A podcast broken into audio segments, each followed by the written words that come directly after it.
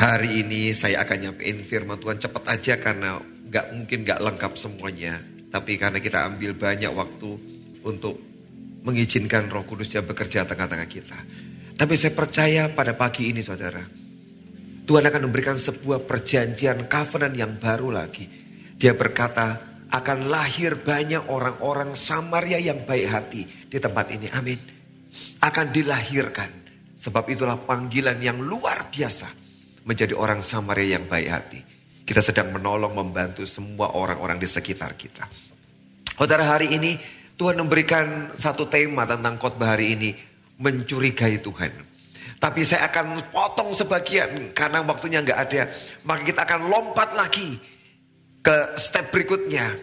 Yaitu kita mencurigai diri kita sendiri. Saudara, curiga itu dimiliki semua orang, saudara. Apalagi engkau kalau tidak kenal sesuatu atau seseorang, engkau akan cenderung mencurigai itu. Tapi maukah hari ini saudara engkau itu mencurigai dirimu sendiri?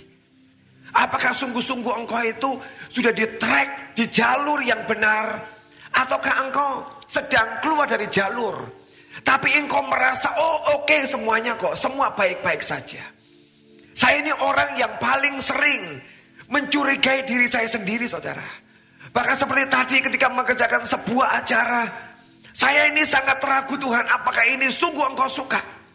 Dan saya mulai koreksi hati saya. Tapi tiap kali saya bertanya kepada Tuhan. Dan saya sedang curiga dengan diri saya. Saya bersyukur dia memberikan jawaban yang luar biasa.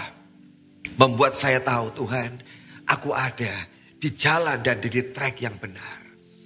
Hari ini belajarlah mencurigai dirimu sendiri. Apakah benar posisiku atau aku ini sedang salah? Kita akan buka Yohanes 21 ayat yang ke-15. Yohanes 21 ayat yang ke-15. Kita lompat jauh banget saudara dari semua yang saya siapkan. Yohanes 21 ayat 15. Sesudah sarapan Yesus berkata kepada Simon Petrus. Simon anak Yohanes, Apakah engkau mengasihi aku lebih daripada mereka ini? Jawab Petrus kepadanya, benar Tuhan engkau tahu bahwa aku mengasihi engkau. Kata Yesus kepadanya, gembalakanlah domba-dombaku. Hari ini bertanyalah pada dirimu sendiri. Curigai hatimu. Apakah hari ini engkau mempunyai kasih yang tulus. Kasih agape kepada Tuhan. Ataukah kita semua ini hari ini sejujurnya tidak mempunyai kasih agape. Tapi yang kita punya mungkin seperti Petrus miliki. Yesus bertanya apakah engkau agape kepadaku Petrus. Dan dia menjawab Tuhan aku ini pileo. Apa itu fileo saudara? Itu kasih yang mengharapkan imbalan. Bukan kasih agape. Kasih yang tanpa syarat. Tapi hari itu Petrus dengan jujur berkata Tuhan aku tuh fileo kepadamu. Saudara hari ini bagaimana kasih kita kepada Tuhan? Apakah engkau sudah agape? Atau kita semua termasuk saya ini saudara. Masih fileo. Kita mengasihi Tuhan. Kita melayani Tuhan hari ini. Karena kita mengharapkan diberkati. Kita mengharapkan kita bahagia. Kita mengharapkan kita sehat. Kita mengharapkan keluarga kita baik-baik keadaannya. Dan engkau mengasihi dia. Karena alasan itulah Artinya engkau belum bisa mengasihi dengan segenap hati saudara. Sebab target Tuhan dalam hidup kita. Sampai engkau mengasihi mencintai dia. Sekalipun. Mungkin berkatnya belum datang saudara. Mungkin mujizat yang kau minta belum datang. Tapi hatimu berkata Tuhan. Aku tetap mencintai dan mengasihi engkau. Hari ini setiap kita masing-masing. Periksa hati kita. Seperti apa kasih kita. Tapi saudara orang yang awalnya fileo ini saudara. Yang selalu mengharapkan imbalan dari Tuhan. Orang ini ketemu dengan Tuhan. Melewati sebuah proses perjalanan yang cukup panjang. Dia setia pada Tuhan. Bahkan pernah menyangkal Tuhan. Tapi sejarah menulis tentang hidup Petrus. Orang ini mengakhiri hidupnya. Dengan perfect, dengan luar biasa. Hieronymus, seorang sejarawan mencatat. Petrus adalah rasul yang mati dengan disalibkan dengan kepala yang terbalik. Apa yang dia mau berikan buat Tuhan? Apakah ada imbalan hari itu? Tidak ada saudara. Ini orang yang hari itu benar-benar dia hidupnya dia berikan abdikan buat Tuhan. Dan hari itu bahkan dia rela.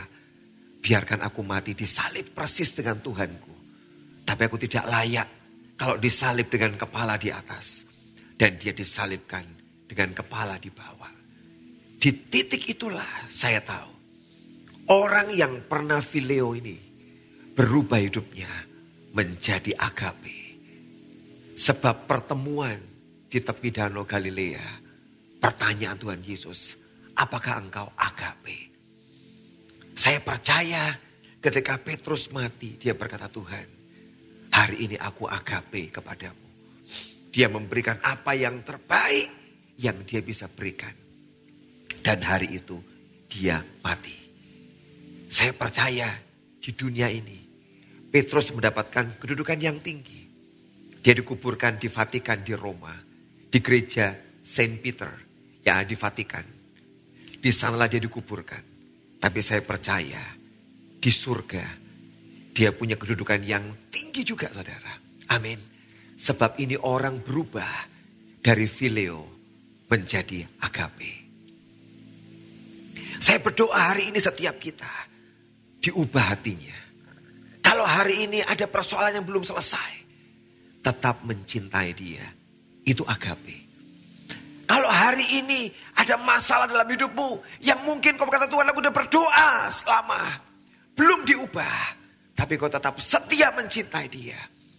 Itu agape.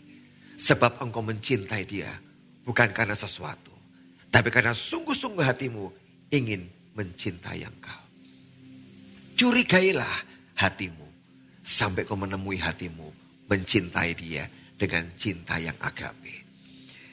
2 Timotius 3 ayat yang kedua. 2 Timotius pasal yang ketiga. Ayat yang kedua. Manusia akan mencintai dirinya sendiri dan menjadi hamba uang. Mereka akan membual dan menyombongkan diri. Mereka akan menjadi memfitnah. Mereka akan berontak terhadap orang tua dan tidak tahu berterima kasih. Tidak mempedulikan agama. Tanyakan Pertanyaan dalam hidup saudara. Apakah hari ini engkau hanya mencintai dirimu sendiri dan menjadi hamba uang?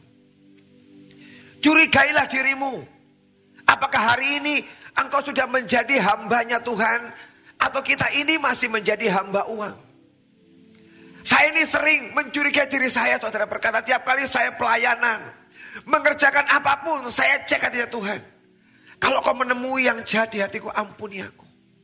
Sebab bisa saudara saya ini sangat gampang. Saya melayani orang, melayani apa pun juga. Motivasi saya adalah uang saudara. Jangan dipikir kalau sudah pendeta hatinya bersih. Enggak saudara.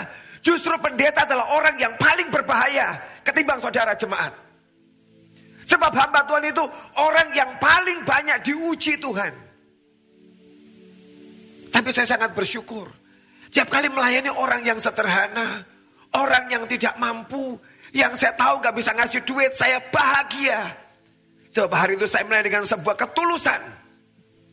Saya nggak cari duitnya. Kalau bisa saya yang tolong bantu dia dengan mengeluarkan uang. Kalau saya melayani keluar kota, ke gereja, ke persekutuan yang sederhana yang aja saya tahu nggak ada duitnya. Saya sangat bahagia saudara. Saya tahu Tuhan, hatiku ini bersih Tuhan. Aku datang dengan biaya sendiri. Dan pulangku tidak bawa apa-apa. Itulah saat yang paling membahagiakan. Saya tahu dapat uang itu bahagia kok saudara. Tapi kalau saya tidak mendapatkan uang dari pelayanan itu saudara. Itu lebih berbahagia dalam hidup saya karena saya tahu. Dia sedang menyiapkan upaya yang jauh lebih besar. Daripada yang manusia bisa berikan dalam hidup saya. Dan itulah terus yang saya koreksi dalam hidup saya Tuhan. Kalau kau temui ada kejahatan di hati ini, ampuni. Kembalikan hatiku menjadi murni. Koreksi hatimu. Tanyakan di hatimu. Apakah hari ini engkau hamba Tuhan atau hamba uang? Kalau dikatakan engkau itu hamba Tuhan, Maka yang sedang mengendalikan hidupmu, yang sedang mengatur hidupmu adalah Tuhan, saudara. Tapi kalau engkau itu hamba uang, siapa yang mengendalikan, saudara? Uang. Semua perbuatanmu, tingkah lakumu, apa yang kau kerjakan semua berdasarkan uang, saudara. Dan kalau engkau jadi hamba uang, yang mengatur mengontrol hidupmu hanya uang dan bukan lagi Tuhan. Saya bersyukur saudara di gereja ini. Kita semua jemaat kita sehati saudara. Gereja ini tidak pernah pegang uang banyak. Tiap kali saudara nabur ke gereja ini. Saya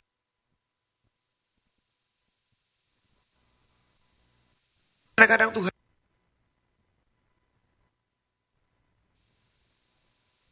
Itulah destiny gereja ini. Sebab semua taburan yang saudara berikan hari ini Bukan untuk semua yang baik, yang untuk bangun gereja enggak. Biarkan gereja kita jelek kayak gini saudara. Kalau saya lihat gereja lain, saya iri sebenarnya saudara. Lihat semua bagus-bagus gerejanya. Gereja kita kayak gudang kayak gini saudara. Dan kita pakai begitu banyak uang untuk menolong orang susah. Kalau ada orang gak bisa sekolah, jemaat inilah saudara, uang saudara yang kau tampung di gereja ini. Kita membayarin uang sekolah kok saudara. Saudara tahu di pedalaman, ada banyak orang susah saudara. Dan kita kirim uang dari gereja ini. Membantu ada ratusan anak-anak yang gak bisa sekolah. Saudara punya uang, kita kirim ke sana. Membantu mereka. Tiap kali Tuhan gerakkan, Tuhan katakan tolong. Banyak sekolah Alkitab yang mencetak hamba-hamba Tuhan akan pergi ke banyak tempat. Yang kadang-kadang susah hidupnya. Mau nggak kamu tolong? Dia bilang Tuhan, kok aku terus ya Tuhan? Kenapa gereja ini lagi yang disuruh? Kenapa kok kita pasti yang disuruh? Ya Tuhan aku mau. Saudara kadang-kadang saya mikir. Sayang lo Tuhan. Tapi saya kata Tuhan mungkin itulah destiny yang Tuhan berikan buat kita. Bukan takdir saudara. Itulah destiny diberikan buat gereja kita. Tapi saya percaya saudara. Setiap kali engkau menabur untuk orang-orang susah. Bapakmu yang di surga tidak akan merem dengan hidup saudara. Amin. Saudara pegang firman ini saudara. Kalau engkau menabur buat orang-orang susah, Bapakmu di surga tidak akan pernah tutup matanya dalam hidupmu saudara. Dia akan menolong hidupmu. Bahkan dalam kondisi yang paling sukar dalam hidupmu. Dia akan buka matanya. Dan dia akan memperhatikan hidupmu. Dan menolong hidupmu. Itulah saya mendoakan terus buat jemaat Tuhan. Kau yang tolong jemaat-jemaat HTE Tuhan. Yang sudah banyak menabur di gereja ini. Dan kami tidak pakai untuk semua fasilitas gereja. Kami pakai untuk melayani anak-anakmu yang di luar sana yang menderita. Kami tabur. Karena kami ini bukan hamba uang. Kami adalah hamba-hamba Tuhan. Amin. Saya tahu seorang hamba Tuhan datang ke sini saudara dia ngomong, Pak, ada banyak gereja yang sangat kaya gerejamu tidak terlalu kaya. Oh betul saudara, oh betul tidak terlalu kaya kita saudara. Ada gereja yang sangat besar. Yang saya lihat itu pemasukan uangnya banyak banget. Tapi kenapa ya dia tidak pernah berbuat apa-apa untuk orang lain. Tapi gereja ini saya tahu gak terlalu besar. Dan saya tahu uangnya juga gak terlalu banyak saudara. Tapi kenapa kok mau? Saya bilang bukan kami yang mau. Sebab dia yang mau untuk bekerja di gereja ini. Kamu harus tolong orang. Kamu harus selamatkan banyak orang. Lewat berkat. Sesedikit apa yang kita punya saudara. Kita mau kerjakan buat orang yang di luar sana. Saya percaya dia akan memberkati hidup setiap kita. Amin. Apakah kurang dia buktikan pada masa pandemi. Banyak gereja besar di Jakarta yang kolaps. Saya diceritani. Tapi kenapa gereja kita bertahan saudara. Amin. Bukan cuma gereja loh saudara. Jemaat HTE bertahan dengan kuat pada masa pandemi dua tahun loh saudara. Yang lain teriak-teriak mengeluh. Jakarta, Surabaya saya lihat banyak rumah besar-besar. Bukan rumah kecil saudara. Rumah yang gede-gede dijual, dijual, dijual. Kenapa? Orang berkata Pak itu pengusaha besar. Yang kolaps gak punya duit. Tapi saya tidak mendengar satu pun dari saudara pengusaha tempat ini. Yang berkata kami kolaps. Kami bangkrut Pak habis semuanya. Enggak. Saya melihat para pengusaha di tempat ini. Engkau bertahan dalam dua tahun masa yang menakutkan. Masa yang paling gelap ini saudara. Engkau berdiri. Saya tahu ada Tuhan yang sedang berdiri bersama dengan saudara. Amin. Tiap kali engkau menabur, Tuhan sedang berdiri bersama engkau berkata, aku akan menyertai engkau karena aku Tuhan yang berjanji dan aku tidak pernah berdusta kepadamu. Saya bersyukur punya jemaat yang ajaib. Bersama-sama saudara. Kita bersama-sama di tempat ini. Punya hati yang sama. Kalau mungkin pendetanya, saya, Pak Hengki, Pak Hasto semua punya hati menabur. Tapi kalau jemaat tidak punya hati menabur, kita nggak bisa saudara. Mau ngapain kita nggak bisa apa-apa. Tapi saudara sudah memberi yang sangat baik. Saya doakan saudara. Tidak ada orang miskin tengah-tengah kita, amin. Setiap saudara akan disertai Tuhan akan diangkat lebih kuat, lebih kuat, lebih kuat. Periksa hati kita. Tidak ada hamba uang di tempat ini. Yang ada adalah hamba-hamba Tuhan yang hidupnya diabdikan untuk Tuhan. Yang berikutnya saudara. Yakobus 4 ayat 6 dan ayat yang ketujuh. Yakobus 4 ayat 6 dan ayat yang ketujuh. Tetapi kasih karunia yang dianugerahkannya kepada kita lebih besar daripada itu. Karena itu ia katakan Allah menentang orang yang congkak. Tetapi mengasihani orang yang rendah hati.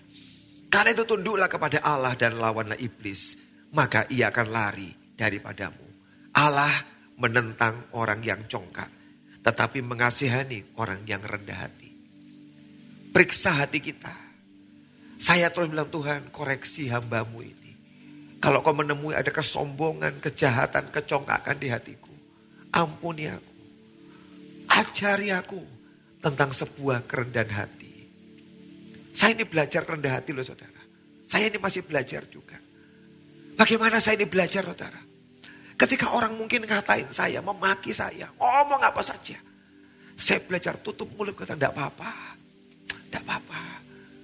Itu bagus buat aku. Merendahkan hatiku. Sebab kalau engkau merasa yang paling hebat, yang paling luar biasa, engkau cenderung menjadi sombong. Hari ini saudara, bagaimana sikap hatimu? Kalau engkau tuh sombong, Allah menentang engkau. Kita sedang tidak berada bersama dengan Tuhan. Setiap kali engkau sombong, kata menentang bukan cuma menentang loh saudara. Against, itu melawan kita. Artinya engkau sedang fight, bertengkar, berkelahi dengan Tuhan. Kalau engkau tuh sombong, saudara. Betapa susahnya hidup kita. Kalau kita ini bertentangan dengan Tuhan. Bahkan melawan Tuhan. Karena apa? Gara-gara sikap hati kita yang sombong. Saya ini belajar Tuhan. Remukkan hatiku, hancurkan aku terus Tuhan. Supaya aku jadi orang yang rendah hati. Saudara, rendah hati udah enak loh saudara. Ya kan? Seakan-akan kita tuh diinjek-injek, betul. Orang rendah hati itu paling tidak enak. Rasanya direndahkan terus. Diapain harus diam. Diginiin diam. Tidak berbuat apa-apa. Itu kerendahan hati saudara. Tidak enak. Tapi saya mau ajari saudara. Kalau engkau rendah hati.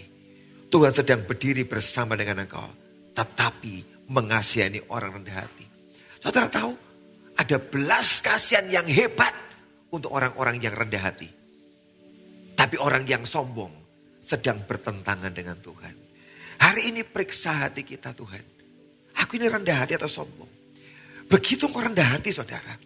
Engkau bisa melawan setan. Dan setan lari daripadamu. Amin. Orang yang rendah hati. Yang bisa menundukkan diri juga kepada Tuhan. Setan itu sangat gampang dikalahkan. Dikatakan engkau melawan iblis. Dan dia akan lari. Ini kata nyambung ayatnya saudara. Kenapa kita susah banget mengusir semua cobaan, godaan, jebakan dari setan. Sebab kita ini sombong.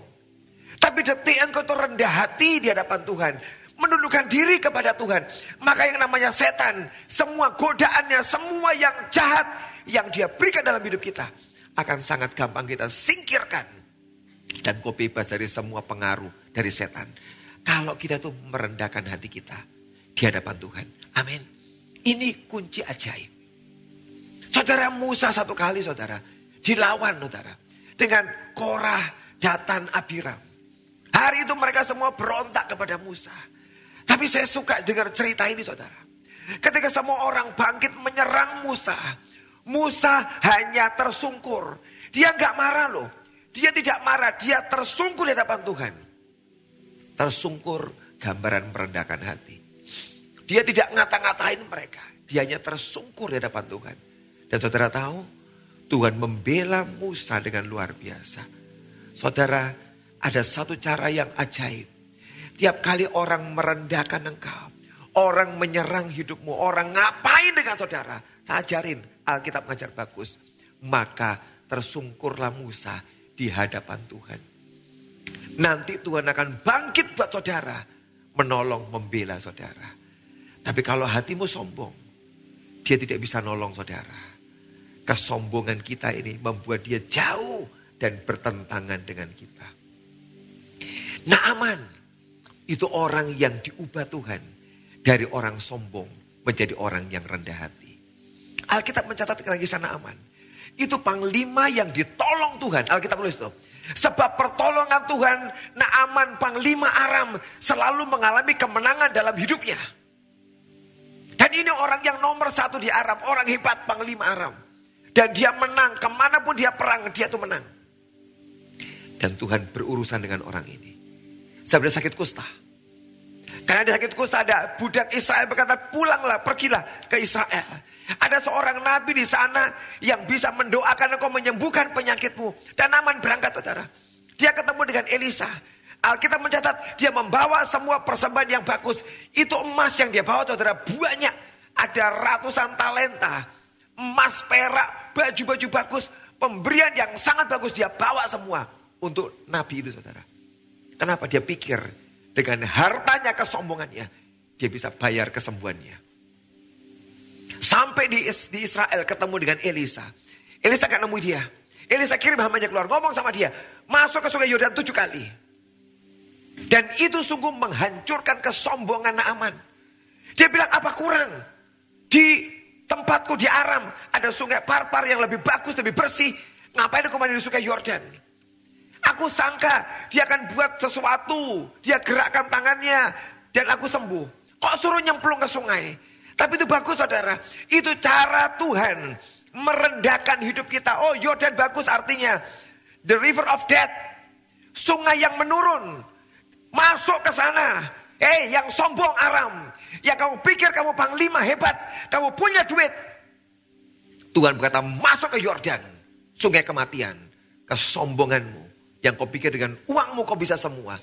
Masuk ke sungai itu, direndahkan. Dia mau pulang ke rumah dengan kemarahan kesombongannya. Tapi hambanya berkata, ini kan gampang.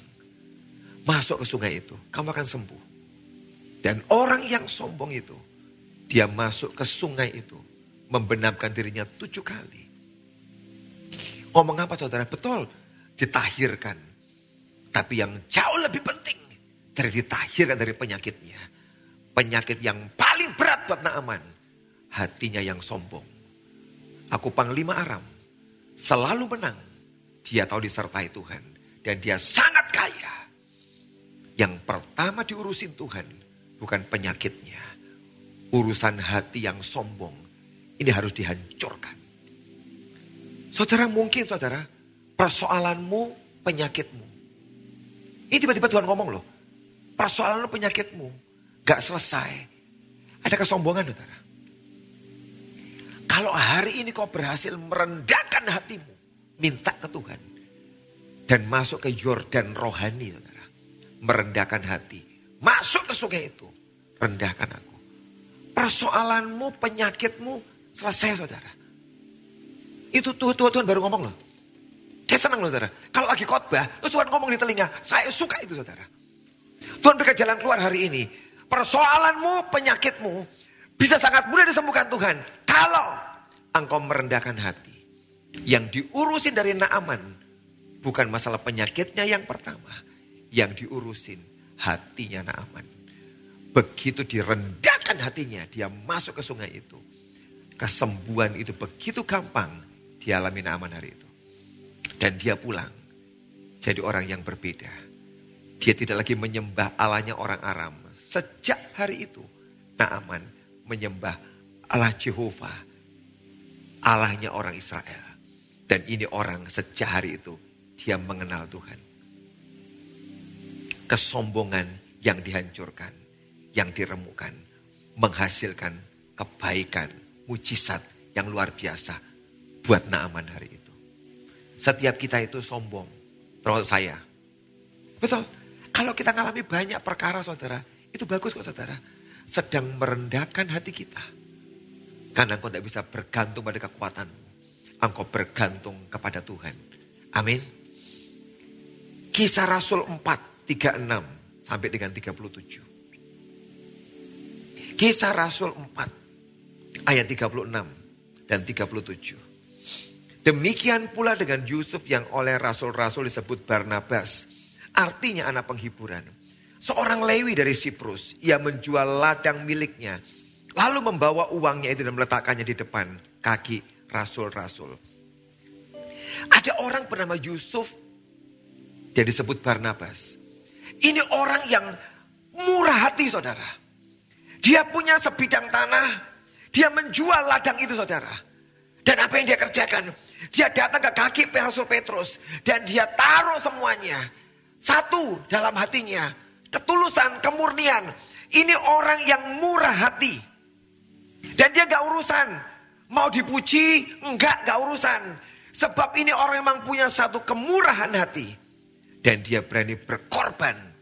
Memberikan uangnya yang hasil penjualan ladang untuk dipakai untuk pelayanan. Dan gak urusan taruh itu aja. Selesai. Tapi ada orang saudara, di pasal berikutnya, pasal yang kelima, yang bernama Ananias dan Safira. Ini orang lihat, wow, ada orang yang namanya Yusuf Barnabas itu. Yang begitu baik, murah hati. Dan dia wow, orang akan memuji orang ini. Dia memberikan yang sama hari itu. Dia juga datang memberikan persembahannya di kaki Rasul Petrus, saudara. Mirip persis, saudara. Tapi saudara, yang nggak bisa ditipu bukan persembahannya, tapi hati. Saudara Tuhan itu ya, kalau ngelihat kita, ke hati kita loh saudara. Action kita di luar mirip mungkin saudara. Tapi Tuhan nggak tertarik dengan yang di luar. Dia tertarik yang di dalam. Anania Safira membawa persembahan yang sama di kaki Petrus. Tapi hatinya kayak apa saudara? Ini orang yang pengen dilihat. Aku pengen dihargai orang. Pengen dipuji orang. Dan aku memberikan hari itu. Sebab hatinya tidak murni saudara. Waktu dia jual tanahnya juga. Dia pengen dikenal orang. Pengen terkenal. Dia tahan separuh. Dan dia ngomong, Petrus, aku memberikan seluruh hasil penjualan tanah. Kenapa dia tidak ngomong, separuh aku beri Separuh aku ambil. Gak salah loh saudara. Seandainya dia ambil separuh, dia ngomong ke separuh ya bagi dua. Separuh buat aku, separuh buat pelayanan. Itu gak masalah. Tapi ini orang, dia taruh separuh, dia ngomong seluruhnya aku berikan. Supaya apa? Supaya orang memuji dia. Wah, seperti Yusuf Barnabas ya. Ini orang memberikan korbannya. Hatinya lain saudara. Pengen kelihatan murah hati, tapi enggak kok saudara. Apa yang terjadi saudara? Hari itu Anania dan Safira dalam hari yang sama mati dua-duanya saudara. Kemurahan hati yang palsu. Saudara hari ini belajar mari kita mempunyai kemurahan hati. Tidak untuk dilihat orang. Semakin rahasia semakin bagus kok saudara. Amin. Semakin gak ketahuan semakin bagus. Tidak usah ada yang tahu. Kalau sudah ada yang tahu dipuji. Pak Yusak Cipto ngomong hilang upahmu. Sudah ngasih ketahuan toh hilang. Rugi saudara. Tapi kalau engkau memberi dan tidak ada yang tahu saudara. Justru upah kita sangat ajaib, sangat besar. Hari ini koreksi hati kita. Curigailah hatiku Tuhan. Kalau aku selama ini memberi pada orang miskin. Menolong orang, memberi pada orang. Apa motivasi hatiku? Pengen kelihatan hebat? Pengen wah ini orang baik banget? Ataukah hatimu murni Tuhan? Aku sungguh-sungguh pengen menabur Supaya banyak orang tertolong dari apa yang aku tabur ini. Koreksi hatimu. Dan hari ini curigailah hati kita. Kalau ada yang salah, belum terlambat.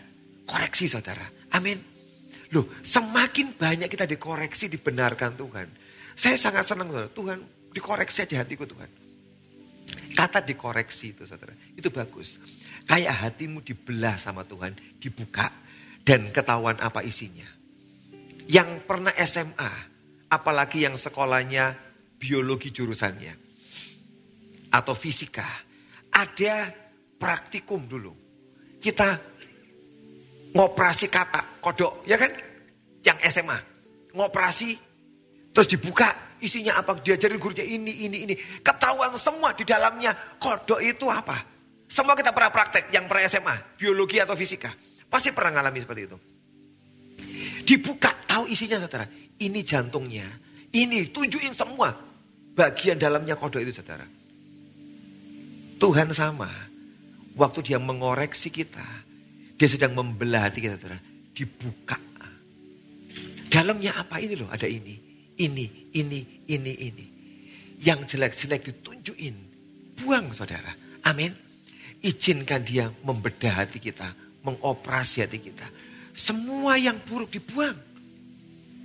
Biarkan yang tinggal di hati ini adalah semua yang baik, semua yang bersih. Amin.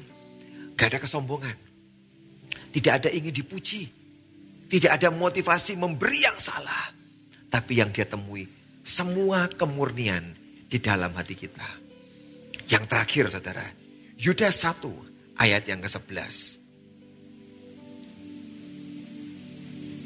Yudas 1 ayat yang ke-11.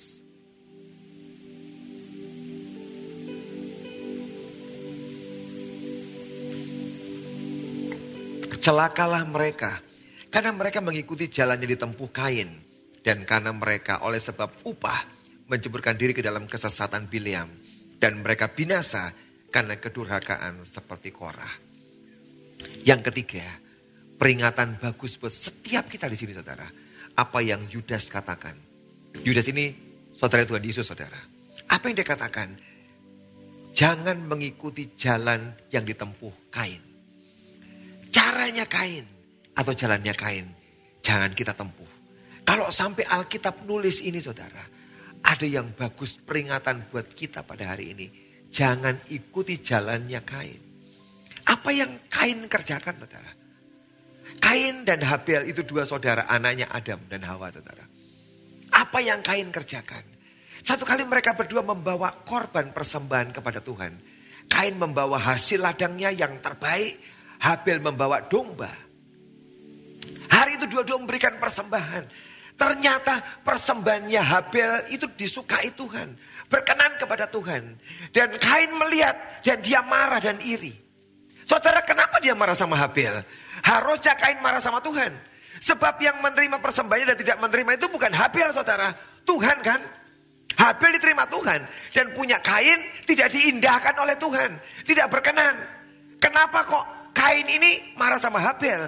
Harusnya marah sama Tuhan. Tuhan kok gak diterima? Ini kan yang terbaik aku berikan. Ini saudara, hati yang salah. Jalannya Kain. Waktu dia melihat yang ini diterima persembahannya, korbannya, apa yang dibuat oleh Kain. Dia ngajak adiknya ke ladang, ke padang. Dan dia bunuh Habel. Supaya apa? Gak ada saingan. Tuhan gak punya orang lain yang menyenangkan buat dia. Tuhan cuma punya satu tok kain. Dia pikir gak ada saingan. Gak saudara, tetap Tuhan tidak berkenan kepada kain. Justru kain semakin jahat. Sikap hati dan cara yang salah yang kain kerjakan. Harusnya saudara, kalau dia melihat Habel membawa domba dan diterima Tuhan. Dia lihat itu, kenapa dia tidak membuat yang sama saudara. Dia minta ke Habel dong, Habel berikan dombamu satu. Dan dia sembeli dan dia bawa korban kepada Tuhan. Beres urusannya ya kan? Harusnya simpel. Saudara, cari jalan simpel di depan Tuhan saudara. Gak usah cari jalanmu sendiri. Dia pikir dengan membuang Habel, membunuh Habel. Selesai persoalannya. Cuma dia dikenan Tuhan. Enggak. Tuhan makin marah dengan kain saudara. Hari ini. Kalau ada orang lain yang kau lihat saudara. Yang mungkin lebih baik, lebih hebat, lebih luar biasa. Gak usah cemburu. Belajarlah. Itu sikap hati yang benar saudara. Ada banyak orang yang bersaing bisnis. Kalau dia aku gak suka, bagaimana aku jegal orang itu supaya aku yang naik. Salah saudara. Itu jalan kain saudara. Para pengusaha, para pekerja, jangan jegal orang dengan cara yang salah. Kalau kalian ada orang lebih berhasil, belajar dari orang itu. Mengapa dia berhasil? Itu cara yang paling bagus. Dan Tuhan berkata, jangan tempuh jalan kain. Dan apa yang terjadi saudara? Resiko dari Kain yang membunuh Habel. Dikatakan Kain terbuang jauh dari hadapan Tuhan. Menjadi pengembara, pelarian seumur hidupnya. Dia tidak pernah ngalamin Tuhan. Bagaimana bisa ngalami Tuhan? Dia sepanjang hidupnya, dia jadi pelarian jauh dari Tuhan, saudara. Orang yang sikap hatinya salah. Kayak Kain ini ya. Kenapa Tuhan berkata jangan ikuti jalan Kain? Sebab cara ini cara yang jahat. Gereja bisa nggak? Oh bisa banget saudara. Kita ngeliat ada gereja lain yang mengerjakan satu hal saudara. Dan engkau iri dengan gereja itu. Bisa nggak HTE jadi jahat? Bisa. Loh, saya terus berdoa loh Tuhan, tolong gereja ini Tuhan. Supaya tidak menjadi jahat. Bisa jahat gak? Oh bisa saudara.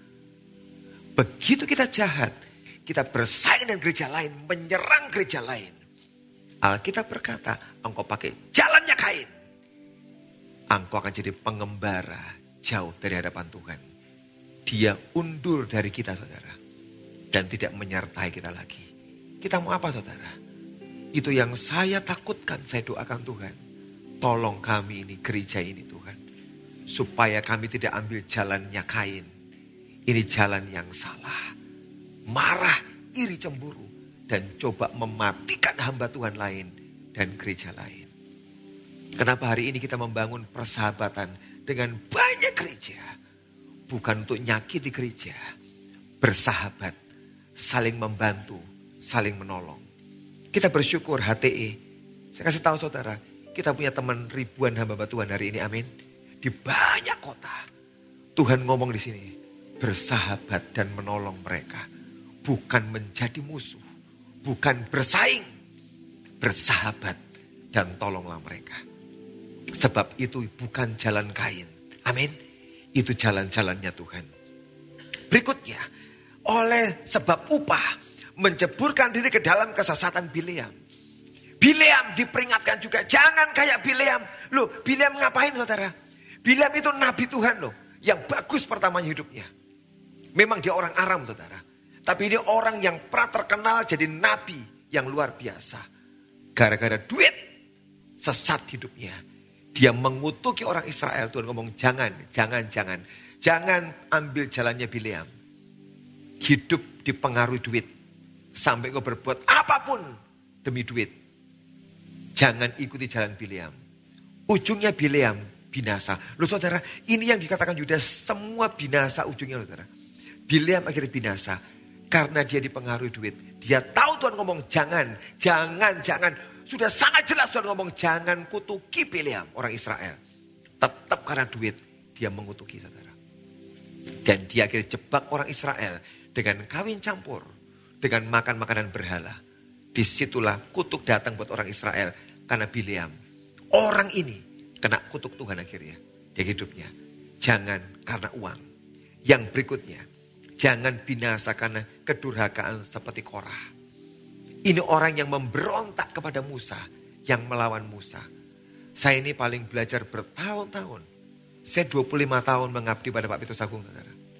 Saya Pak Hengki. 25 tahun saya tidak pernah melawan beliau. Berontak, tidak pernah. Semua yang beliau katakan. Fik buat ini, ya Pak. Buat ini, ya Pak. Sekalipun sukar bagi saya mengerjakannya. Tetap saya dengan sungguh hati mengerjakan. Saya nggak pernah ngomongin jahat pada beliau, tidak pernah menentang beliau. Saya submit. Sebab itulah yang Tuhan inginkan dalam hidup kita. Setiap kita ketahuilah siapa orang yang di atasmu. Pak kalau salah gimana? Doakan. Biar Tuhan yang menghardik orang itu. Amin. Lo ingat saudara, doamu membuat orang yang salah itu, pemimpinmu yang salah, dihardik Tuhan. Tenang aja saudara, gak usah takut. Justru berat kalau berhadapan dengan Tuhan. Betul? Berat berhadapan dengan Tuhan. Saya ajarin buat saudara. Saya bertahun-tahun, 25 tahun. Saya mengabdi, melayani Tuhan. Tapi juga bersama dengan Pak Petrus Agung. Saya belajar, Tuhan buang hati korah dalam hatiku. Hati kau temui murni dan tulus. Dan saya percaya hidup saudara jadi hidup yang luar biasa. Amin. pelajari ini. Curigai hatimu saudara. Ada apa di sana? Kalau engkau izinkan Tuhan datang mengoreksi, mengoperasi, buang semua yang negatif. Saya percaya hidup saudara akan jadi hidup yang luar biasa. Amin.